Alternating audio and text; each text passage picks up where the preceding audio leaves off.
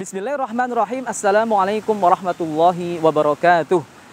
Tentang penduduk neraka, Rasulullah Sallallahu Alaihi Wasallam bercerita dalam sebuah hadis riwayat Al Imam Muslim bahwa penduduk neraka yang kekal di dalamnya tidak akan pernah mati. Seberat apa pun siksaan yang mereka terima, tapi di antara mereka ada yang akhirnya gosong dan menjadi arang. Mereka lah yang mati untuk dipindahkan ke surga.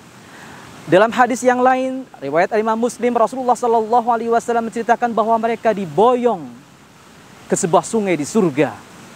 Kemudian Allah Subhanahu Wa Taala merintahkan para penduduk surga untuk mendatangi mereka. Mereka pun akhirnya tumbuh seperti biji-bijian tumbuh di pinggir sungai. Kemudian hilanglah semua bekas luka mereka.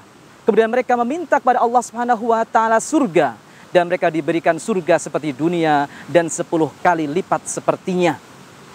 Kabar indah dari akhirat ini, pemirsa kurma yang dirahmati Allah Subhanahu wa taala menunjukkan betapa besarnya rahmat Allah Subhanahu wa taala yang telah mengajari kita kalimat tauhid.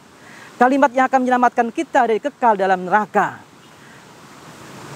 Kalimat ini hendaknya kita renungkan, kita ingat-ingat ketika kita jatuh dalam kemaksiatan agar membangkitkan semangat kita, harapan kita bertobat kepada Allah Subhanahu wa taala.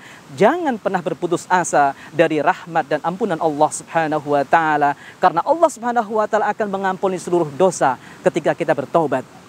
Tetapi ketika kita dalam kebimbangan, berhadapan dengan kemaksiatan, jangan pernah ingat bahwa Allah Subhanahu wa taala akan mengampuni seluruh dosa kita ada kebimbangan dalam hati, itu adalah alarm hati kita bahwa kemaksiatan yang ada di depan kita mengandung murka dan kemarahan Allah Subhanahu wa taala. Hendaknya kita tinggalkan, kita ikuti nasihat hati kita. Wassalamualaikum warahmatullahi wabarakatuh.